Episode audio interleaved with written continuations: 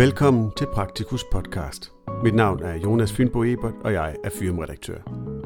Denne podcast er en oplæsning af artiklen med titlen Balancevægten. Artiklen er skrevet af Bolette Friedrichsen, praktiserende læge og formand for DSAM. Artiklen kan læses i Praktikus nummer 264, der udkommer i marts 2023. Artiklens tekst starter her. I almen praksis har vi én patient ad gangen. Det meste af vores daglige arbejdstid går stadigvæk med at levere gode konsultationer til de mennesker, der søger vores hjælp en og en ad gangen. Men samfundet vil i stigende grad måle os på, hvordan vi leverer i gennemsnit og i den samlede population.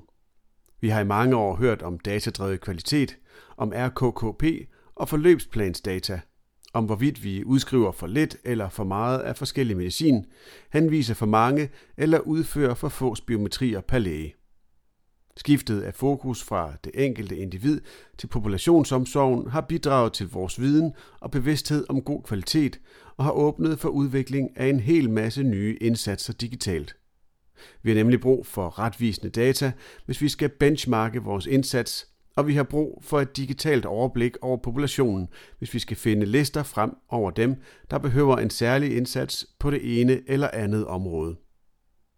Det lægger beslag på tid og opmærksomhed, og det stiller nye krav til vores journalsystemer og til tværsektoriel elektronisk kommunikation og dataopsamling. Men undervejs risikerer vi at miste noget med alt disse målinger. Det er en gammel kendt sandhed, at det, man måler på, vil vokse. Og det skal helst ikke ske på bekostning af noget andet, der måske er mere meningsfuldt. Prøv at tænke din seneste arbejdsdag igennem. I hvor mange af dine konsultationer kan kvaliteten gøres op i tal?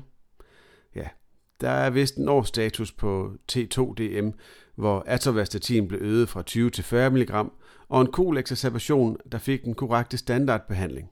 Men resten handlede om krøllede sygehistorier, diagnostiske udredninger, mennesker med bekymringer eller symptomer, der måske og måske ikke hører til i sundhedsvæsenet, eller som er løbet ind i sociale problemer med familie eller job. Mennesker, der har brug for en samtale med deres læge for at få mening i de ting, de oplever, at der sker med deres liv og helbred i øjeblikket. Det er ikke alt, hvad der kan måles i tal, som betyder noget, og det er ikke alt, hvad der betyder noget, der kan måles i tal. Meget af det datadrevne giver rigtig god mening. I den seneste tid har jeg kigget på forløbsplansdata, og jeg synes, at vi har et virkelig godt potentiale i FLP. Jeg kan hurtigt se, hvem af mine patienter med lav EGFR, der får metformin, som bør reduceres, og hvem der både har type 2 diabetes og hjertesvigt, og derfor bør have SGLT2 eller GLP-1-analoger. FLP kan give mig lister fra DDV over, hvem der mangler vaccination inden for visse sygdomsgrupper. Jeg håber, at vi på længere sigt kan få lister over alle. I seneste uge var der en mediesag om, at der gives for meget antipsykotika til demente. Det viste sig dog ved nærmere eftersyn, at cirka halvdelen startes op i sekundærsektoren og ikke hos os. Og i øvrigt er der ofte tale om kortvarige kurer ved delir eller i forbindelse med tryghedskassen. Men jeg fik lyst til at kigge mig selv i kortene og forsøgte at slå op i mit statistikmodul Klinea. Her kunne jeg trække en liste over alle vores patienter med demens, P70, der fik en antipsykotika, Risperdal, Sernase eller Sivkvæl.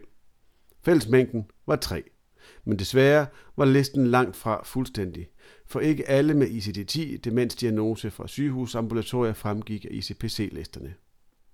Måske vil diagnosekortet kunne hjælpe os, når det kommer op at køre overalt.